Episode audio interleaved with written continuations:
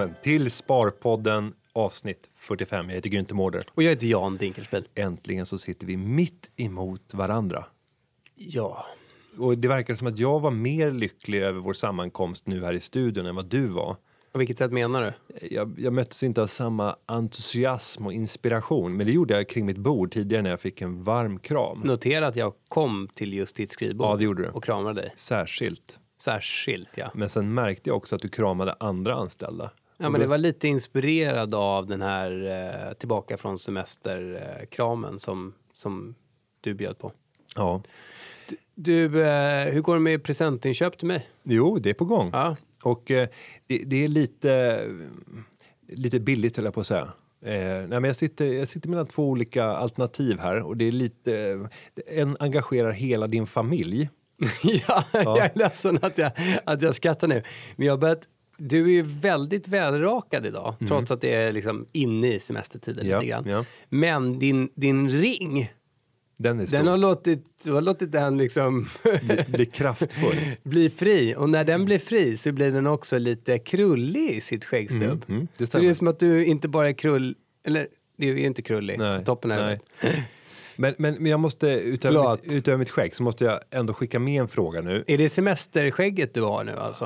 Att vara väldigt ansad på sidorna och städad men att låta Bara det gå fritt i mitten? Nej, men historiskt så har jag nästan alltid sparat hela skägget och låtit det växa ut till ett eh, riktigt eh, Jaha, mulla så som vi, vi egentligen, skägg. vi, jag och 30 000 lyssnare vill se det egentligen. Ja, och det har förekommit att jag dessutom har rakat av med allt håret direkt efter semestern och haft kvar Åh, mycket skägg Jesus. som Ja. en, en bättre byggjobbare. Ja. Eh, så jag ska se om jag kan slänga upp någon eh, Förlåt, throwback Thursday eh, bild här på torsdag. Tib- Hashtag På, TBT. på Sparpodden, hashtag Instagram. men, men när det gäller present, för Ja. jag, jag våndas lite grann. V- varför Skulle- bygger du upp en story kring det här? Du skulle ha kommit med en present för två månader sedan. Alltså, kan du inte det- bara kapitulera och säga jag ber om ursäkt? Det, det kan man ju tycka. Nej, jag tänker inte be om ursäkt. Nu håller det på att förberedas en fin present här. Eh, och i en av presenterna, och min fru är kanske inte helt med på noterna här, men den, den involverar hela er familj. Ja. Är det någonting som du skulle uppskatta? Den andra involverar bara en av dina söner. Eh, och presenten är alltså till mig.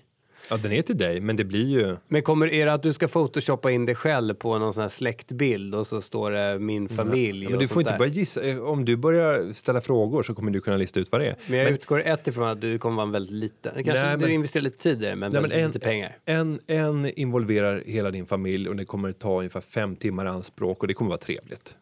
Ja. Den andra Är eh, tar, tar tre timmar i anspråk och det involverar bara dig och en Varför av ska dina den ta söner. min tid? Ja, ska vi gå och se någonting då? Alltså? Det vet man inte. Nej. Nej, men jag tror att det är bättre med, familjen är då alltså, du menar med hustru? Ja, oj, ja, oj, ja, ja, men inte det här, Inte? middag och eh, kom över till oss. Vi har ju sagt det där. Vi är ju Vi, eh, kollegor. Vi är ju vänner. Vi är ju kollegor.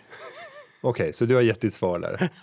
Ja, Vadå, du ska ge en födelsedagspresent till mig och du bjuder familjen på middag? jag, jag har inte sagt vad jag ska göra. Nej, nej, Nej. okej. Men nu har jag fått ett svar. Och en dagsaktivitet och så sa du hela familjen också, inte Hela bara familjen. hustru. Så Ja, det ena vara- alternativet är hela- Vi ska gå på Grönan med Hela familjen. tillsammans. Ja. Det låter dyrt. Ja, men typ motsvarande fast Ja. billig. Ja, motsvarande fast billig kanske. Ja. Nej, jag vill inte åka till Kolmården med. Nej. Nej. Nej. Ja. Pinsam stämning med Jan Dinkelspiel. Glöm det, Ja. glöm det där med present förresten. Jag vill inte ha, jag vill inte ha några smutsiga presenter. jag, jag vill inte att du tar min lördag och av gör att jag måste gå och titta på Markoolio. Ge mig bara, ge mig bara en varm Så här, kram. du, jag vill att du följer med och tittar på konståkning. ja, ja. Ja, ja. tack snälla. Men nu är vi tillbaka i alla fall. Ja, Eriksdalsbadet med familjen Fri, fri entré på utebadet till halva priset efter den 15 september. Nog utebadet. om detta. Ja. Present kommer. Eh, ska vi, ska vi, uh, vill hoppa direkt på podd? Ja, det tycker jag. Okej. Och du har ju gjort någonting stort här i dagarna. Sparekonomen går för långt. Ja, så är det ju. Berätta, vad har hänt? Ja, men livet handlar ju om att levas också. Och, och många lyssnare kommer nu bli besvikna på mig, men, men jag har, har eh, Syndat. Jag har syndat, jag har förvärvat en, en, eh, en ny bil. Ja, och berätta då, för det här är inte vilken bil som helst. Det här kanske är en av de absolut mest eftertraktade bilarna på marknaden. Ja, förmodligen. Ja. förmodligen. Ja, det, är, det är en Lexus Cabriolet, en SC 430. Och varför? Eh, ja, men jag, jag har alltid, jag har ju hållit på med bilar rätt mycket som ung och jag har haft en, eh, en eh, BMW Z3M, jag hade en Pontiac Firebird eh, Cabriolet och jag har haft en ombyggd Ferrari 308 GTO Pininfarina från 1986. Ja, Eh, Men nu har det gått eh, väldigt många år sedan jag hade en rolig bil senast och nu kände jag att gör man bara en, en bra affär Mm. så att man inte står liksom, i, i begrepp att förlora massa pengar. Och det tror jag inte. Alltså, det förstod ju de som jag köpte bilen av också. Vi satt runt matbordet där och det, eh, framförallt dottern till säljaren var väldigt sparintresserad så jag vill, vill hälsa till henne för jag tror att hon lyssnar på det här. Eh, men de sa ju det också att du skulle inte sitta här Om du inte gjorde en bra deal. med, med mindre att det var en bra affär. Och vi, vi vet vem du är. så man kan säga att du har blåst en av våra lyssnares föräldrar. Nej, nej, utan allting hänger ju samman med vilka preferenser man har. Alltså Mm. att, att ha cash idag är värt rätt mycket för vissa i vissa stunder eh, istället för att ha en bil som man inte använder. Eh, och jag behövde ju inte den här bilen och det är klart att jag har varit runt och letat på mängder av eh, eller tittat på mängder av olika bilar för, Ja. för att bilda mig en uppfattning och dessutom då eftersom jag inte Men behöver berätta, hur går en sån här selekteringsprocess ut? Inte bara den här bilen, utan hur, hur, hur kommer du in till Lexus Cab? Ja, men jag börjar i preferens. Jag vill ha en cabriolet för det Ja. är härligt. Det är sommar och jag har saknat det genom Tänker du då eh, icke-girigt så här att nu är sommaren över så att folk upplever ändå att de kan tänka sig att sälja den för att nu är det Ja. ju liksom ytterligare ett år till nästa säsong. Absolut, för det, det cabförsäljningen den kan hålla i två, tre, fyra veckor till. Ja, Men folk börjar inse att snart är det höstpriserna som gäller. Eller Ja. så är det ställa in det för vintern och då börjar den trånga sektorn, garage.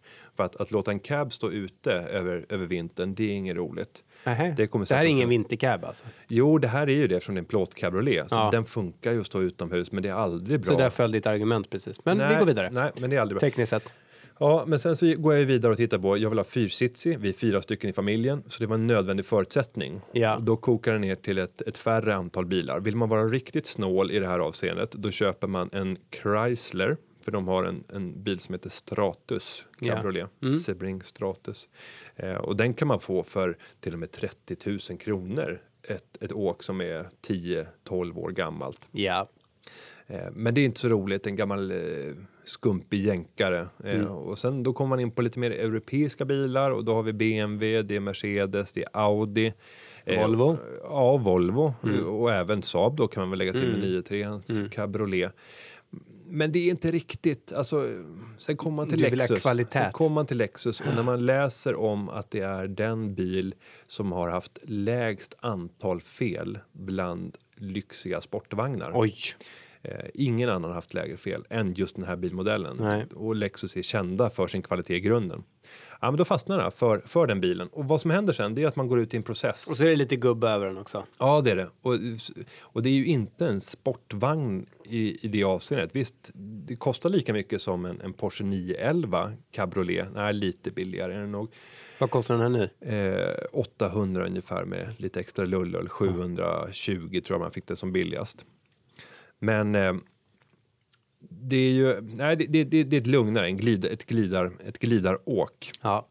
Eh, Men, men det jag skulle komma in på i själva processen, det är att åka ut och leta efter alla tillgängliga bilar. Nu var det ungefär fem stycken som var aktuella runt om i Sverige. Och sen försöka testköra för att bilda sig en uppfattning om hur ska de här kännas? Hur är skillnaden mellan en som har gått 5 000, 10 000 eller 20 000 mil? Och sen så börja ta reda på historiska ägare. Det är alltid bra. Jag var tittade på en hos en bilförsäljare. Då tog jag reda på vem var den tidigare ägaren. Ringde upp till den ägaren och frågade eh, vad sålde du in bilen till hos den här bilhandlaren? Och så fick jag reda på det priset. Och dessutom kunde jag förhöra mig hos henne hur hon upplevde bilen. Hon har ju inga inga Hennes eh, affär är hemma. Ja, hon har fått sina pengar så Ja. att hon kan vara fullständigt ärlig. Ja. Så det är oftast det bästa tipset. Är det en bil som har bytt ägare mindre än två, tre år sedan, för har det gått mer än två, tre år, då börjar den informationen inte bli särskilt Och vad fick du för information då? Ja, jag fick ju vilket pris Ja. hon hade fått för bilen. Ja, hur mycket var det då? Eh, hon hade fått 100 000 och, Och hur mycket var den ute för? hade 119 000. Ja. Eh, och jag gav ju ett bud till, till den här bilhandlaren på 110 och det ratade han. Eh, och dagen efter var den såld förmodligen för 119. Det var ett jättebra pris. ja. Eh, men- man ska, alltid, man ska alltid försöka, om man inte är i behov av någonting. Men hur mycket tid la du på det här då? Totalt sett så kanske jag lagt eh, eh, tre arbetsdagar, men det är ju utspritt och det, är så här, det går inte att räkna för att jag har ju suttit, jag har åkt iväg och provkört och samtidigt gjort en tur av det. Så man kan säga att du hade kunnat stänga den på Blocket. 115 och varit glad och fine and dandy. Ja, jag hade kunnat ta det på 119. Det var ju- Bilhandlaren? Ja, det var, ett, det var ett bra pris. Det var, det var, jag tror att det var en av de liksom, Ja, det tycker inte jag låter som så mycket påslag. Alltså från Nej. 100 000 till 119 och så har de fräschat upp den lite och ska ha marginal och betala lite löner och lokal och sådär. Ja, men det här var då efter tror jag, åtta eller nio dagar från det att den kom in. Så det är en otroligt snabb affär. Fine. Och skulle den här personen... Men jag trodde alltid man blev rånad när man lämnade in sin bil till Ja, handlaren. ja, sen kan det ju vara då att det är skitbilar. Men det kan man ju ta reda på genom att göra det. Ringa Ja, det här samtalet tillbaka. Och var nöjd med bilen då? Eh, hon var jättenöjd. Aha. Och för henne så var det ju liksom en ekonomisk sorg. Ja. Eh, och det fick jag ju reda på när jag pratade med henne. Att hon skulle gärna velat behålla den och, och liksom våndades när hon sålde den. Och det är ju ett gott betyg. För att hon behövde pengarna eller? Eh, ja, hon behövde pengarna. Jag vet inte vad hon skulle göra med dem, men det, det spelar ingen roll. Eh, men, men det är en väldigt, ett väldigt bra tillvägagångssätt. Och sen så, när man inte har stress och man inte behöver någonting, ja, då, det är då man kan göra bättre affärer. Ja. Eh, så det är väl tipset. Sen så gick jag ut och twittrade om att jag ville ha någon som kunde hjälpa till att göra ett konditionstest. Och det är Just ju det. särskilt viktigt om man köper en bil som kanske är tio år gammal. Eh, Du men menar att när jag köpte min Volvo C70 Cabriolet, Mm. 25 år gammal? 25 år? Ja, Nej. eller 27 kanske. C70 cab? Ja. C70 har väl inte funnits Jo, i men jag 25 var... år? Säg att jag var 25 då. Ja, men nu ljuger du. Nej, Jo, nu 26, ljuger du. 27. De lyssnare av er som, som kan Volvos historia vet att det inte fanns. Alltså, Jan är 36 år idag Ja, 10 år sedan. och det var 10 år sedan och då köpte han en 25 år gammal Volvo 26 år gammal. C70. Det här är ju lögn. Det här, är- det här är så lögn. Jag tror att den ramlade av en truck i Tyskland. Den var Ja, helt ramsned. Men de lackade om den. Nej, det där är också ett tips. Eh, Carfax, här, den första bilen som jag tittade på, Ja. det var en Amerik- Amerika-import och där har du ju Carfax där du kan gå in och söka på historiken.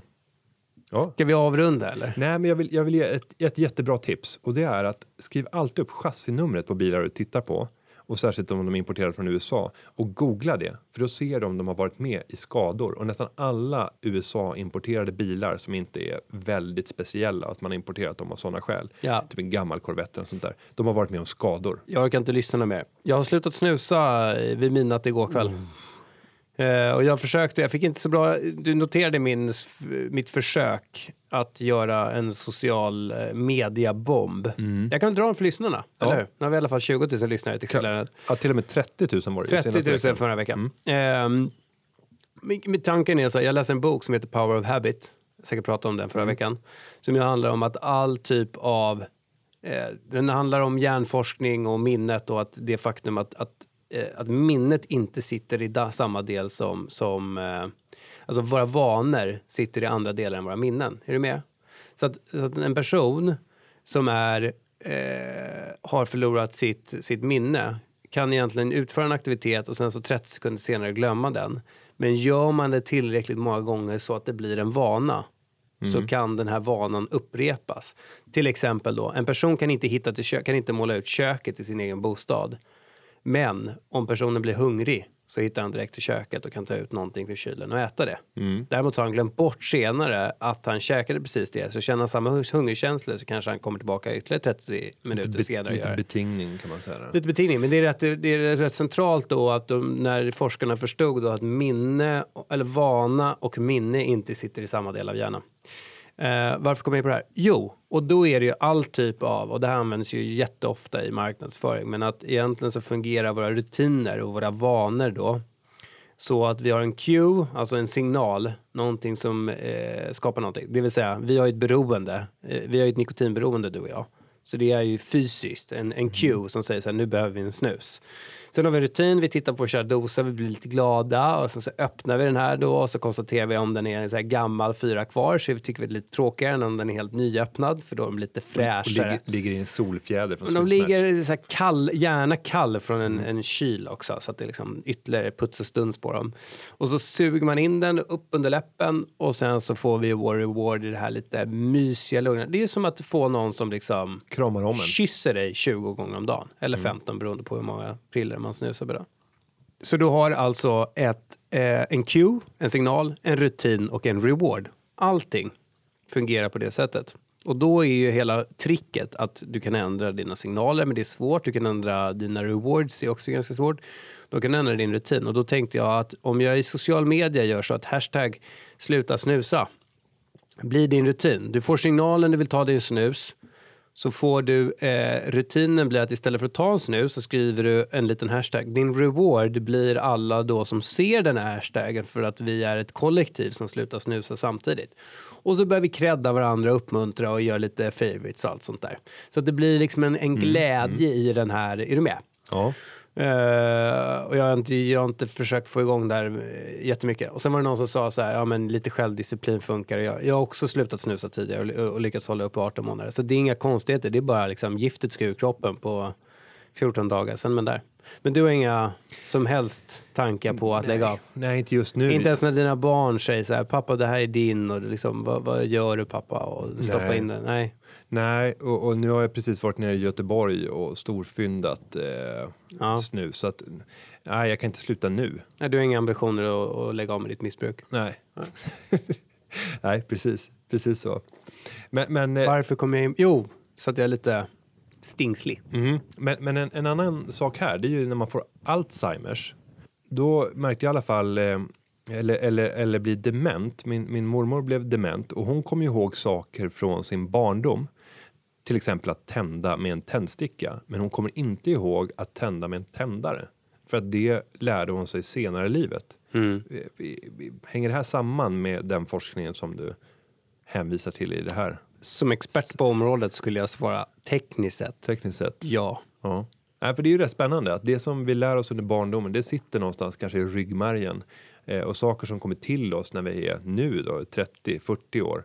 Eh, där, där blir det inte lika starkt och vi kommer att glömma det om vi blir dementa. Sånt här är ju Så superspännande. Fa- Facebook finns inte eftersom det kom, kom Jag ska- senare liksom. Jag ska blotta mig självständigt då, men det sägs ju att, att, eh, liksom att då om du, om du jobbar med det här centrat i hjärnan som skapar vanor och skapar självdisciplin så är det att börja med det small, alltså börja med det lilla så kommer det bli naturlig utveckling. Du utvecklar ett center i hjärnan för självdisciplin.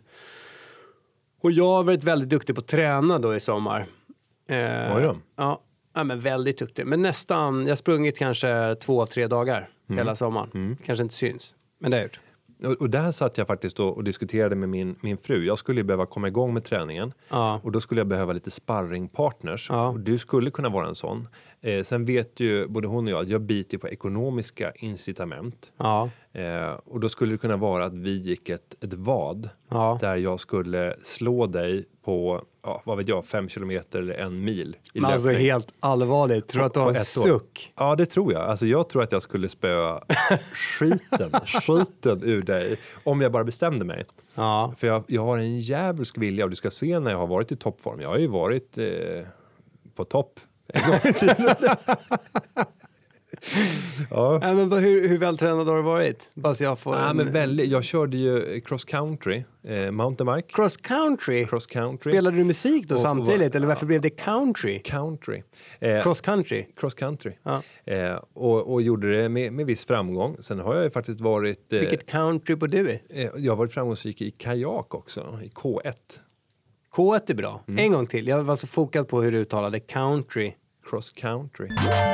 Vidare till Björn Käck då, också på Twitter, som jag tycker är lite kul nu när jag noterar att han har då eh, användarnamnet Big Björn Loser. Oj, inte roligt. Eh, eh, men han skriver under hashtag Sparpodden Copper Goldfeed har ett börsvärde på 40 millar och det har egna tillgångar på 150 millar.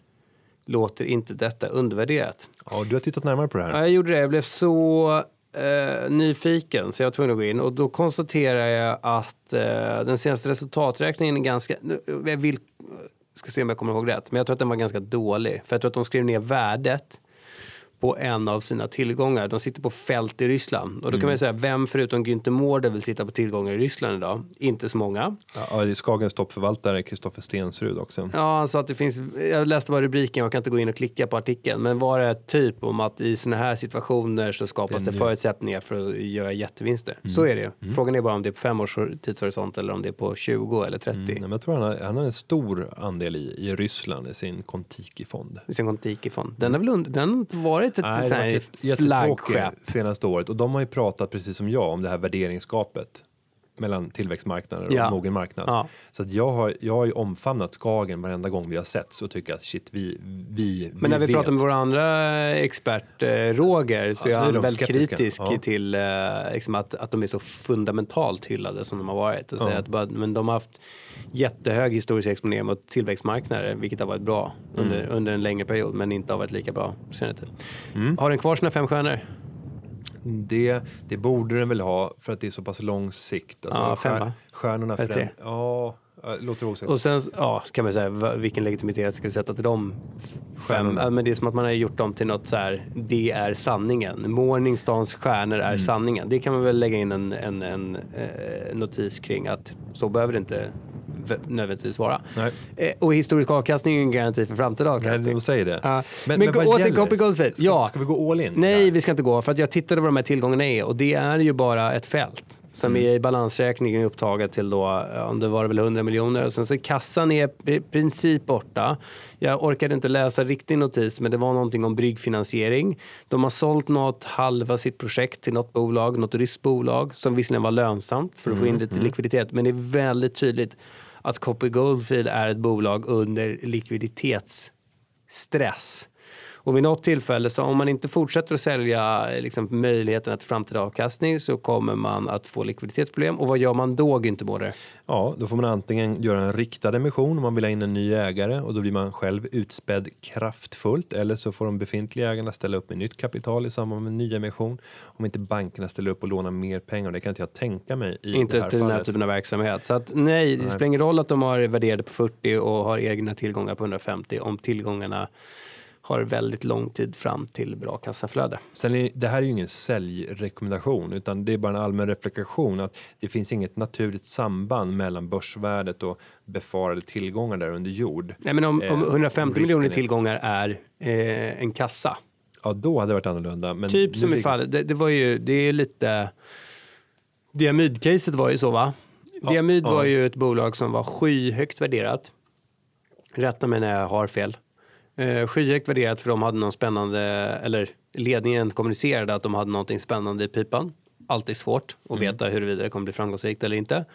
Och sen så när det här forskningsprojektet föll, då eh, blev det sånt kapitalfel i förtroendet mot det här bolaget för att det var så håsat tidigare så blev det, ja, det blev massa turbulens där. Jag har lite glömt bort varför, om det var att de var alldeles, om de själva pratade upp kursen väldigt mycket. Alltså var det krig mellan ägarna. Så att det var en ny ägarkonstellation som hela Jo men tiden... det här kom lurar- senare, Ja. men varför det blev så, alltså det är, de är inte det första bolaget som inte klarar en Nej, fas 3. Nej, men det var fortsatta inriktningen. Alltså när det var över, Ja. det huvudpreparatet, så ville ju de gamla ägarna att okej, skifta ut de pengarna som är kvar nu, för bolaget värderas under sin kassa, tror jag det var under långa perioder. Ja. Medan den befintliga ägaren och storägaren, han sa nej men jag vill använda de här pengarna, jag har massor med andra spännande saker. Jo men det här var den konflikten som jag vill komma in på. Men, men alltså Corubio har gjort emissioner sedan 1989 i princip. De tar in 500 miljoner varje år känns det som. Och bränner dem på olika dåliga projekt.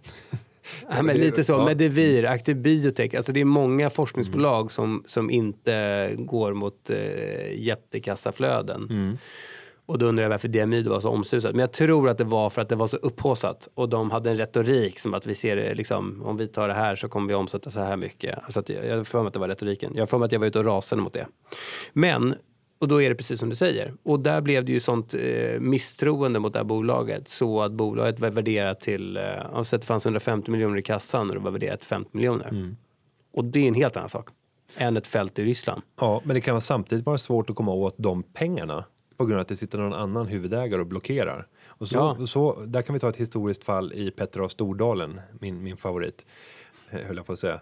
Eh, nej, men han hade ju om Ja, vi har pratat om det ja, tidigare. Ja. Eh, han hade ju ett bolag som antingen om det var Home Capital eller Home Properties där han försökte svälta ut sina aktieägare. Och han sa att det var ett investmentbolag men han gjorde aldrig några investeringar och den värderades ju under kassan. Men man kunde ändå inte komma åt det för det var han som bestämde. Han hade majoriteten.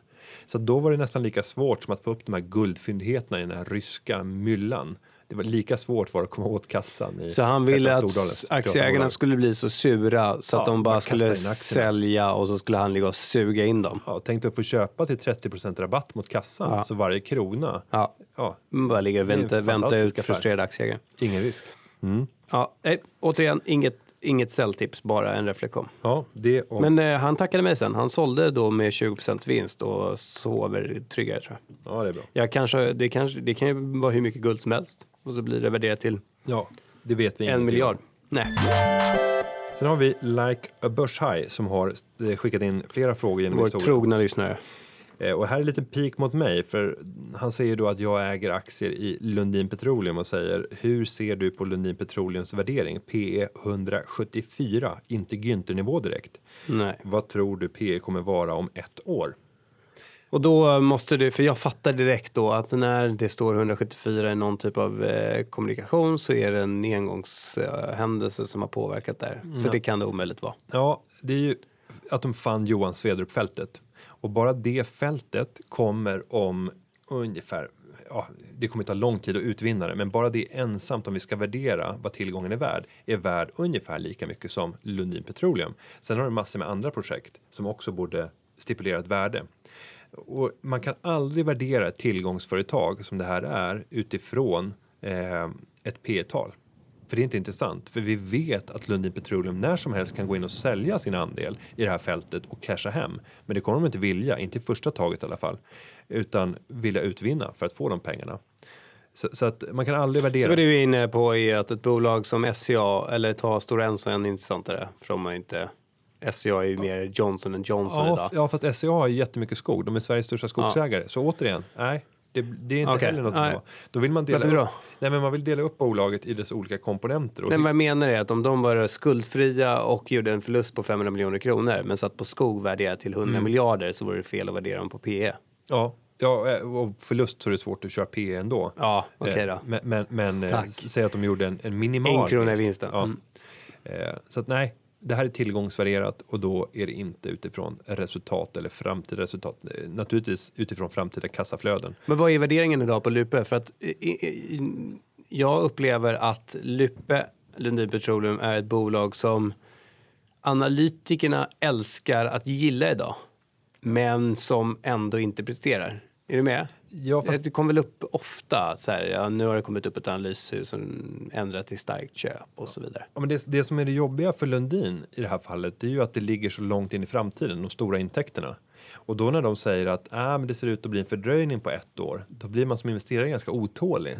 Du vet redan innan att det kanske är tre, fyra år innan det börjar pumpas kassaflöden. Men vad pratar vi? 2018? Ja, från tre, fyra år från nu så, så ska det vara igång och pumpa. Sen så ökar väl liksom effekten. Det, är- det är väl som en peak liksom där du efter ett antal år börjar nå den maximala effekten och sen börjar det avta mot slutet. Mm. Eh, Och sen är ju Lundin kända för att vara liksom oljeentreprenörer och hitta olja. Det är väldigt ovanligt att de sitter och väntar på en sån här elefant som man kallar de här stora oljefälten. Eh, Men ska vi titta på P-talen? För jag känner inte riktigt igen de här talen som som Lucky Börshaj säger. Eh, Lundin Petroleum, jo, ö- jo nu, nu blir det över 100. Eh, och ska jag ta fram på analytikernas prognoser om ett år och om två år eh, så ska Like a Börshaj få ett nytt tal här. Ehm, då pratar vi 60 i slutet av det här året och 26 i slutet av nästa år. Jaha, så det börjar trilla in eh, Ja, redan nu så börjar det komma Från kassaflöden. John Svedrup-fältet eller allmänt? Nej, nej, utan det är från andra fält. Ja. Och sen kommer de stora fälten. Ja. Och då kommer vi väl kanske komma ner mot en mer normal värdering om vi skulle värdera utifrån PE. Vad var deras ett Statoil till och de här? 10, 15? Ja, nej, lägre. Åtta, Alltså inte 15, ja, snarare mellan 7 och 12. Ja. Alltså det intervallet är mer För att du normalt. sitter på en sån osäkerhet i oljepriset? Och och hade du varit i Ryssland, då hade oljebolaget värderats till tre gånger vinsten, Mm. fyra gånger vinsten. Då hade Günther köpt det. Ja, och Gazprom. ja, Lukoil. Lukoil. Petrobras. Nej, Petrobras, det är Brasilien. det är det jag köper. Ja, det är det du köper. Hade kunnat vara. Men ja, vi, vi har ju väldigt roligt Jan. Det har vi. Hur är det att jobba på Nordnet? Ja, hur är det? Ja, för nu, nu är det nämligen så att eh, på hösten, när folk kommer tillbaka från sina semestrar, då händer det ju ofta väldigt mycket. Det är nya projekt som startas igång. Folk har börjat fundera och kanske börjat röra på sig på arbetsmarknaden. Eh, Har och, du belägg för det eller menar du att det tekniskt är så? Nej, så är det. Alltså, det, den vanligaste... Att det är hög mobilitet i, efter semestern? Ja, direkt efter semesterna. Så augusti är en månad med väldigt många transfers på, på arbetsmarknaden. Förflyttningar menar du? Ja, Ja. bra. Eh, men nu, nu är det här, eh, det finns ju mängder av olika roller som kommer ut på Nordnet. Om man ska få reda på alla tjänster som kommer, hur gör man då bäst, Jan? Då kommer man in på org. .nordnet.se. Ja, Och Där finns det ORG alltså, organisation. och, visst, och, Org.nordnet.se. och där kan man ju registrera sin, sin, eh, sitt CV i en kandidatdatabas. Sen kan man gå in och följa oss på LinkedIn också. Det är nog jättebra. Och där publicerar vi tips. alla de tjänster som dyker upp. Sen skulle jag, liksom, är du en eh, toppkandidat som tycker att eh, ja, men det här vill jag förändra på Nordnet? Skicka en spontanare. Antingen den- identifiera den chefen du vill rapportera till och skicka in det till den. Eller skicka det till, eh, som en spontanare till HR-funktionen. Men, och det största rekryteringsprojektet nu som jag vet, jag förhörde mig i organisationen, det är 15 stycken pensionssäljare som vi håller på att ta in.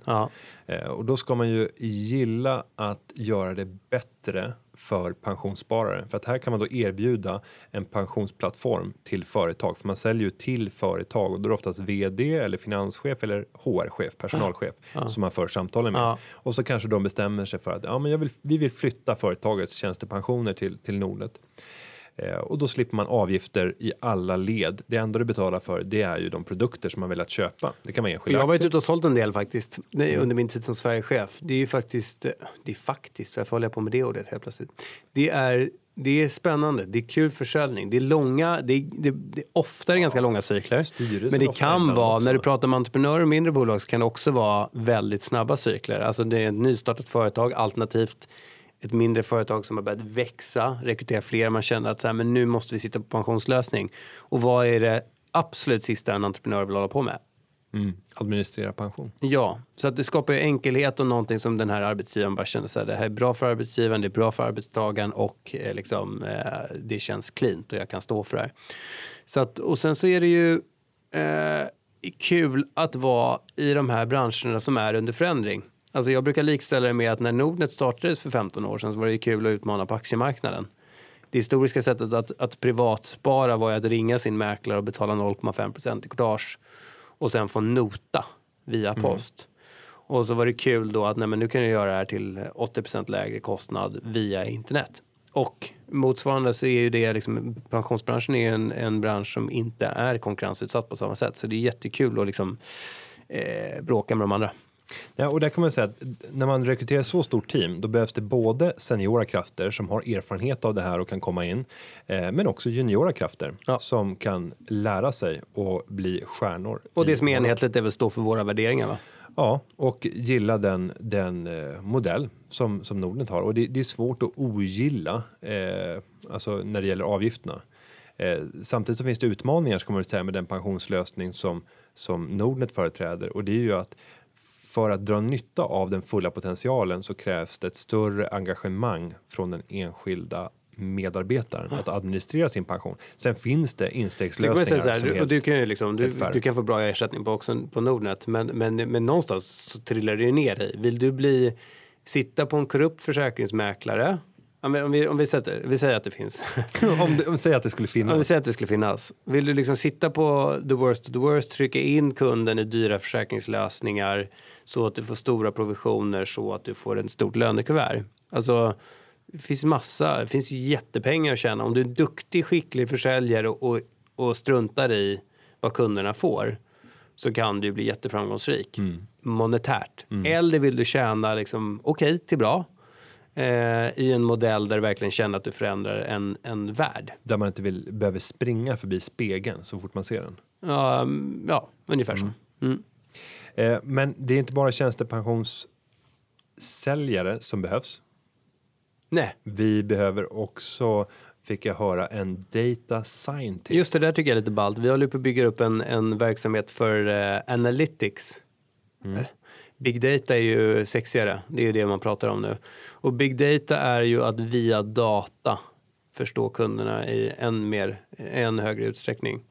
Och det är på tapeten och vi vet, jag tror att vad läste jag nu senast att 80% av datan som finns tillgänglig i världen eh, skapades de senaste två åren. Så det, kommer det finns ju så otroligt mycket data som skapas hela tiden. Och då är begreppet big data är ju att samla den här datan, analysera den här datan för att sen kunna dra fördel av den här datan. Så att i vårt fall så handlar det om att eh, förstå vad kunderna är på väg att göra, ska göra, vill göra innan de kanske själva har fattat det. Nu läste jag senast i vad är det här för managementlitteraturbok då? Någon som jag klämt i sommar. Jag läser inte så mycket skön litteratur. Heathrow University. Nej, men det att var inte så- att ehm, någon som skulle prognostisera. Jo, det var, det var inte Tesco. De är ju kända för det här, utan det var någonting annat i England. Target kanske i USA. Tardieu. Target eh, som skulle förstå att kvinnorna var gravida innan kvinnorna förstod det själva. Så att de, för att de, de sa att om, om, vi kan, om vi kan förstå vilka kvinnor som är eh, gravida då kan vi också börja bearbeta dem tidigt så att de kommer in och köper diapers, eh, blöjor och eh, olika pads och olika och så vidare, flaskor och nappar. Eh, eh, Kvinnor eller män, hens.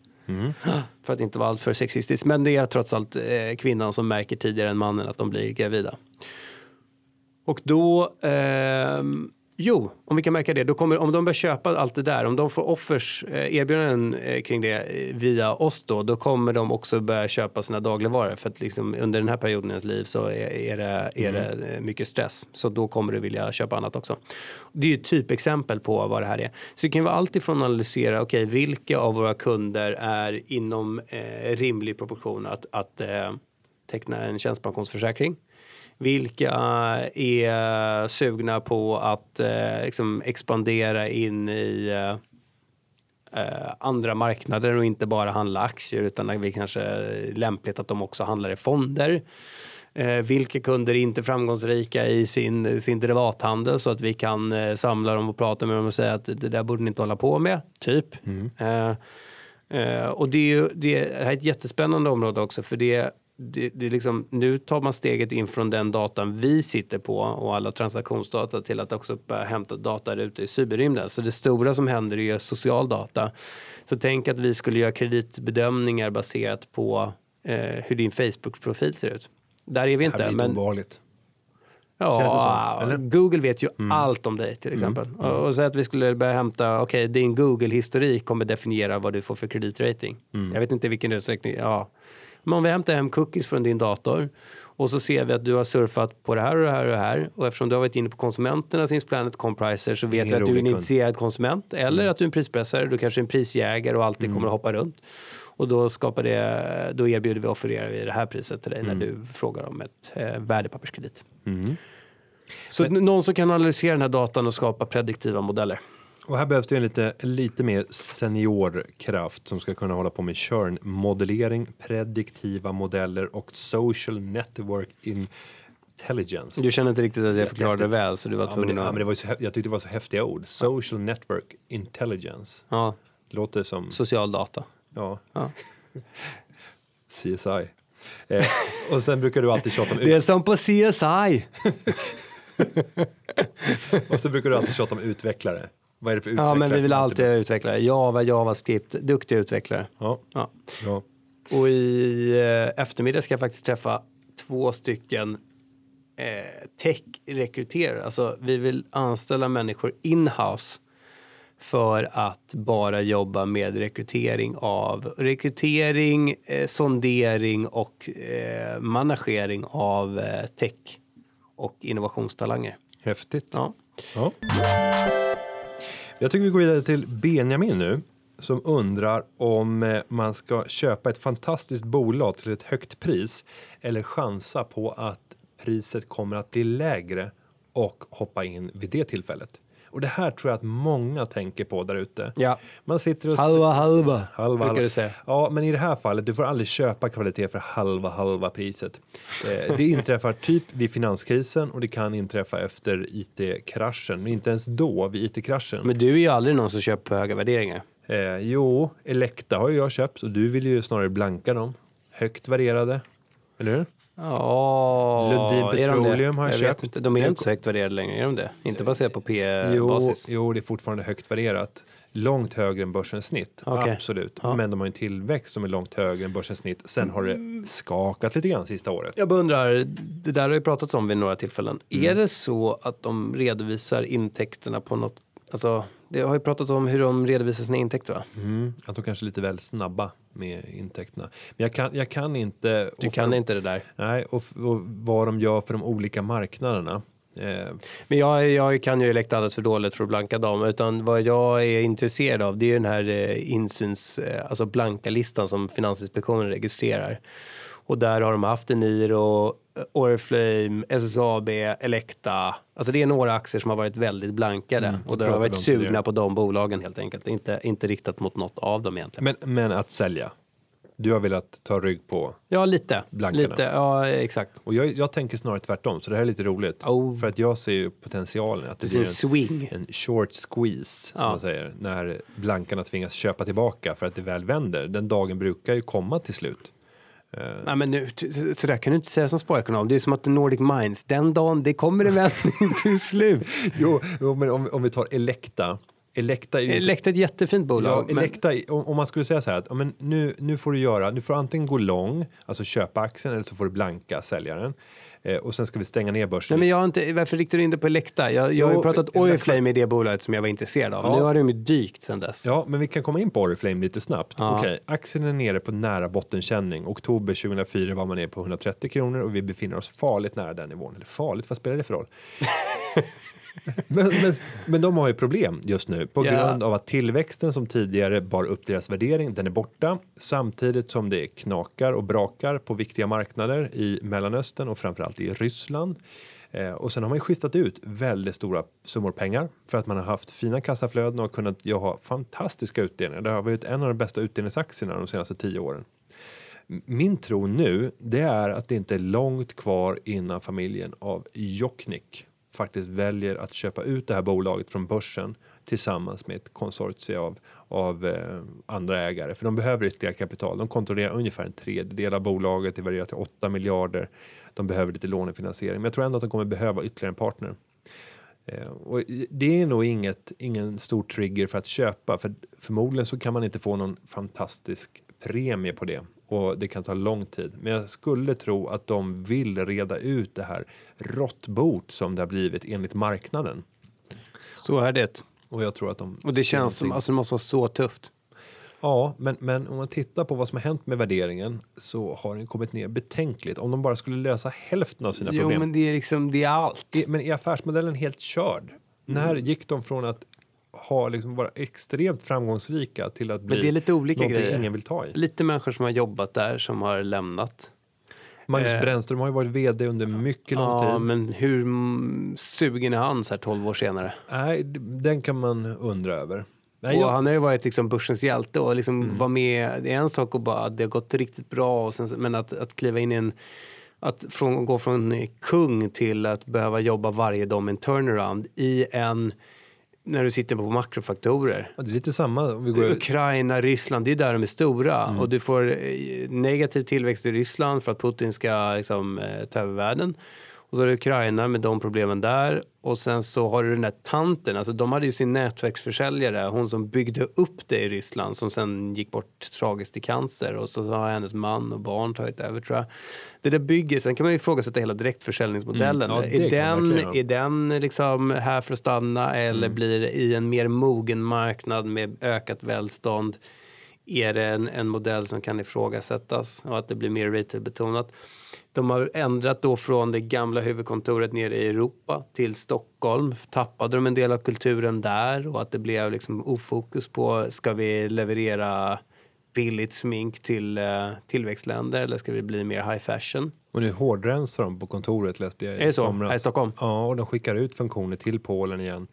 Och jag Eh, tror att det är från, och jag tror att det är från, från väldigt starkt lokalt styre Mm. till eh, väldigt centralisering och nu tillbaka. Alltså det där Det tar ju lång tid. känningar. Ah, och jobbigt och Mm. folk ska ställa om och det, är- det, är liksom, det är ingenting du gör och sen så är det realiserat och verkställt ett kvartal senare. Men om vi tänker nu både Elekta och Oriflame. Ja. Om, Blev du köpsugen Oriflame-aktien? Du står inför en... Ja. Nej, men om vi tänker tio år. Börsen Men Lacte, Elekta är ett fantastiskt bolag. Ja, men om vi Ja. stänger ner börsen i tio år Ja. och du får antingen gå lång, köpa eller gå kort, sälja. Lång Elekta, kort Oriflame. Ja. Men ja, för visst vågar man inte blanka Elekta om man tänker långsiktigt. För det är ett fantastiskt företag. Om vi kommer tillbaka till Benjamins fråga. Det är ett fantastiskt bolag. Det är en hög värdering. Nu har den kommit ner lite grann. Jättefint. Bra tillfälle. Ja. Men ofta så inträffar aldrig de där lägena när man får köpa. Nej, det är läskigare att blanka Apple för att värderingen är skyhög Mm. än att blanka Nordic Minds. Mm. Så att, men, men var inte rädd för att köpa kvalitet dyrt. För kvalitet har en tendens att bli ännu dyrare i framtiden. Jag Och vad jag alltid gör när jag köper kvalitet dyrt, det är ju att jag köper och går eh, inte för hela det beloppet som jag har avsatt och sen så går det ner så köper jag lite mer och går det upp så köper jag också lite mer. Så jag är glad för att det gick upp från början. Det är bra. Ja. Då går vi vidare. Vi har eh, Rasmus SL. Och nu blev du glad. Ja, hur kan man ha ett negativt kassaflöde samtidigt som man redovisar vinst? Och det Rasmus hänvisar till, det är BTS senaste rapport och den senaste rapporten eh, det är alltså Q1 för vi väntar på Q2 som kommer den 19 augusti om jag inte har fel 18 tror jag. 18 eller 19 augusti Ja, jag tror 18. Ja, ja, 18 eller 19. Du behöver inte hålla på, det är ingenting som man spekulerar i. Nej. Det är ganska känd information men just nu så sitter jag inte med den. Eh, och det är klart att ett bolag som genererar en vinst, eh, då borde det ju synas kanske i kassaflödet tycker man. Men det samröret är inte helt Det är klockrent. inte självklart. Utan det kan bero Och på... du har ju BTS Group i din Chevy-portfölj va? Ja. Så det är därför jag menar att du blir så glad för att du får prata om BTS Group. Ja, och det, jag ska säga... Det här är då alltså ingen köprekommendation. Nej, och jag ska säga att det här är det innehavet som jag ökat mest i av allt under hela sommaren. Tidigare så var Microsystemation mitt största innehav. Nu har BTS Group gått om som mitt största privata aktieinnehav. För att du har köpt mer av det? För att jag eller? köpt mer Ja. och sen så avyttrade jag lite Microsystemation väldigt lite. Jag tror det var 10 eller 15 procent av innehavet, men det var ett ganska stort innehav för mig. Eh, så, så att eh, jag minskade ner och sen så har jag ökat i BTS. Inte för mig. eller? Jo, om vi pratar procent så är det Ja. men, men i belopp räknat, om jag sålde för några hundratusen kronor så hade det varit eh, snuspengar för dig. och nu har du slutat snusa så då, då behöver du inte ens pengarna. Nej. Nej. Exakt, jag har sparat då, vad är det, 50, typ, hur många doser i, i månaden tror jag? 50 000. 15? 15? Ja, jag ligger inte på 15. 150? Jag ligger på... 10, 500 spänn, 750, 705, Strunt samma. 70, 50. Ja, Strunt samma. Låt oss fokusera. 9000 kronor har jag Ja. sparat idag. Idag. Bara nu under förmiddagen. Eh, nej men om vi ska komma in på BTS här, då handlar det ju om att de gör ju investeringar i sin verksamhet. De utvecklar, eh, i det här fallet så säljer de konsulttjänster som bygger på IT-baserade lösningar och gör kan man säga simulatorer för affärsvärlden. Eh, deras senaste kunder från första kvartalet, det var bland annat Twitter, det var Google, det var Hilton. Det här är Hyfsat- coolt. hyfsat kända Ja. företag. De jobbar bara med världens största företag. För det är de som kan pröjsa de här summorna för att de ska sätta ett team på att utveckla ett dataspel, skulle man kunna säga, för alla tänkbara alternativ som ditt företag står inför. Och så använder de statistiska databanker, big data, Ja. för att bedöma sannolikhet för utfall om du skulle bege dig in på den venezuelanska marknaden och du är en dryckesförsäljare som är nummer två. Men det handlar framförallt om att träna befintliga medarbetare va? Ja, och att testa olika strategier och vad det normala utfallet blir. Om du gör en organisationsförändring och ändrar från produkt till landorganisationer, hur mycket brukar du tappa i effektivitetsförluster Ja. om man tittar på data? Vad händer om du ger in på en ny marknad och du vet att du kommer att vara aktör nummer fem, för det finns fem stycken starka aktörer redan idag. Hur mycket brukar man behöva pumpa in? Vad händer om du köper? Nej men coolt. Ja. Men du, du, du eld och lågor, du älskar det här bolaget. Jo, men men de- som svar till Rasmus Estell då kan vi säga att eh, här är det ju, De har investerat i sina system med stor sannolikhet. och, och har de då lagt 10 miljoner kronor på det här Mm. så lägger de ju inte det som en kostnad. Nej, Utan det, det blir en kostnad för inkomsternas förvärvande i framtiden. Så därför så lägger man upp till balansräkningen som en tillgång och sen kommer man successivt att beta av den där. Sen finns det annat i, eh, i just eller i eh, eh, balansräkningen som man kan se har påverkat negativt och det är att övriga omsättningstillgångar har, eh, har sjunkit eh, från 72 eller förlåt har ökat från 72 till 87 miljoner och det där är ju tillgångar som man har. Nu tillämpar de en förenklad redovisning så jag kan inte riktigt se vad det är för tillgångar som man kan omsätta i det här fallet. Eh, Men det gäller att gå in och titta i balansräkningen också. Och sen kan man ju säga att rent generellt när utdelningen kommer, då blir det ett väldigt stort kassaflöde ut och det kommer vi se i kvartalsrapporten som kommer nu den eh, 18 Det som är värt 19. att notera är ju att, att Q1 och kvartal 1 förra året också hade väldigt stora negativa kassaflöden men att kassaflödet på årsbasis var bra, Ja, starkt positivt. Vilket indikerar att det kommer vara motsvarande Säsongsvariationer också. säsongsvariationer i år också. Det kan, vara, det det, kan vara redovisningstekniskt i vissa fall. Och det, kan, Det lät så halleluja i det där vd-kommentaren som jag läste. Så till och med jag blev intresserad av att köpa aktier. Ja, och det är det här jag skulle vilja återupprepa. Att vad Henrik Ekelund har sagt som är vd och grundare av bolaget. Det var redan när han släppte bokslutet så gav han en prognos för 2014. Mm. Där han sa att 2014 kommer resultatmässigt bli väsentligt bättre än 2013. Ja.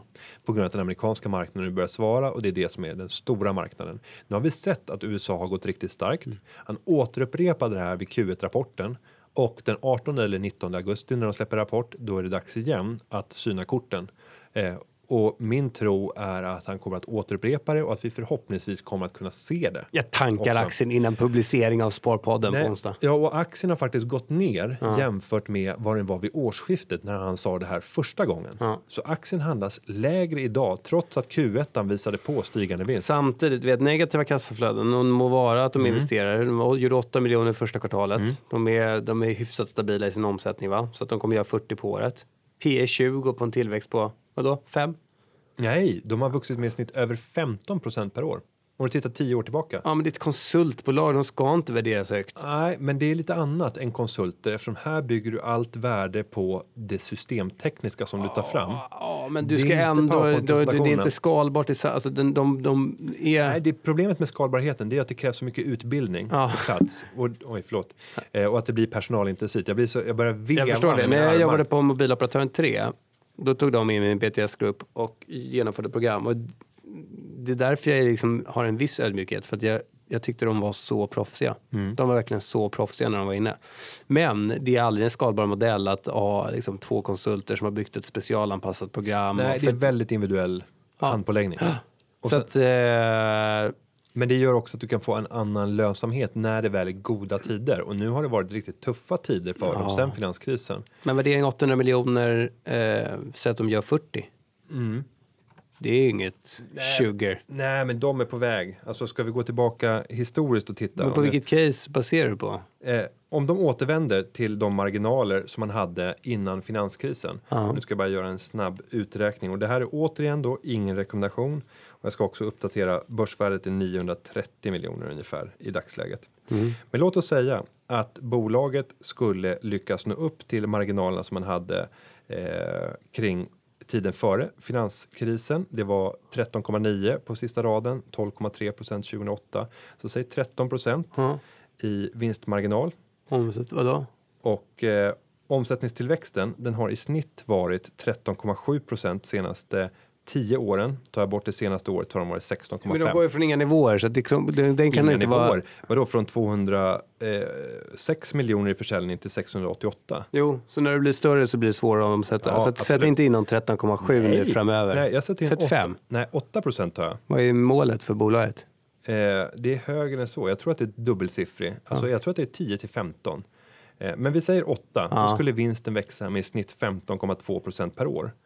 Eh, de delar ut ungefär hälften av vinsten, eh, till och med lite Men mer. de har ju inte närmast de marginalerna. Kan du gå ner? Jo, jo, de är inte alls så långt borta. De hade, Från- de hade 10,1 förra året. De hade 12,6 2012 och jag säger 13. Om det blir bättre tider. Om Det vi ser att USA bra. ljusnar. Ja, men säg 11. Du Vad kan- satte du? Nej, jag satte 13 och de, de har till och med varit uppe i 13,9 och bolaget är större Så idag. du menar att dina analyser bygger på glädjekalkyler? Nej, det, jag skulle kunna vara mer optimistisk än 13. Mhm. Men nu är det här ett genomsnitt för de kommande fem åren, inte för, för nästa år. Okej, gå tillbaka. Yes, och jag tror att de delar ut 60% av årets vinst, för de behöver inte speciellt mycket pengar. De har över 100 miljoner i kassan. För om de ska bygga en digital skalbar affärsmodell så måste de investera det- i sin plattform. Jo, men det gör de väl hela tiden, varenda år gör de ju det. Jo. de har tagit investeringar nu, det ser vi ju i kassaflödet. Exakt. Men då är frågan, vad skulle du värdera ett bolag som vars vinst växte med 15% per år i P tal räknat? Hade det varit Hennes och Mauritz, då hade man ju betalat 30 gånger, 35 gånger årsvinsten, P 30, 35. Ja, jag är beredd att betala. Men i det här fallet så väljer jag att anta 20,6 i P-tal. Mhm. För det är det genomsnittligt högsta P-talet de har haft. Om vi tar alla de tio senaste åren och tar den högsta värderingen de har Jag haft fattar. Kom till poängen. och den lägsta sätter jag på Och då får du 10. en kurs. Då får jag en kurs på 107 kronor och 36 öre, vilket ger en årlig avkastning på 20,9 procent, utdelning inkluderad. Och utdelningen kommer vara 4,6 El procent. Naco. Det här är ingen köprekommendation, utan det är bara en kalkyl. Ja, och verkligen, det är ingen köprekommendation. För att vad Günther inte säger, det är att eh, konsultbranschen är en högst volatil business och den dagen som eh, det blir eh, kris igen, ja men då är det första man gör är att kicka ut BTS Group. Mm. Och, och vad händer med ägaren om man plötsligt vill dra eller trappa ner? Nu är Henrik inte speciellt gammal, så han kan nog stå ut både 10 och 20 år till faktiskt. Har vi pratat i typ 90 minuter nu eller? Säkert. Ehm, men med det, ska vi, ska vi sätta ett stopp där och sen säger vi att om man vill träffa eh, framförallt mig, för du rör inte speciellt mycket utanför kontoret annat än när du ska träffa leverantörer och annat.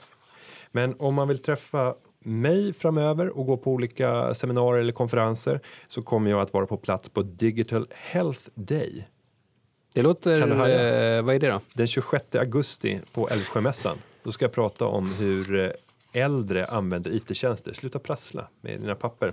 Ja, vad bra. Sen kommer jag att bege mig till Lysekil den Mm. 28 augusti. Jag får se om det blir ytterligare något stopp, kanske i Vänersborg den 28. Sen kommer jag den 29 augusti att befinna mig på Chalmers för att tala inför, jag tror alla nyinskrivna studenter på industriell ekonomi med flera inriktningar.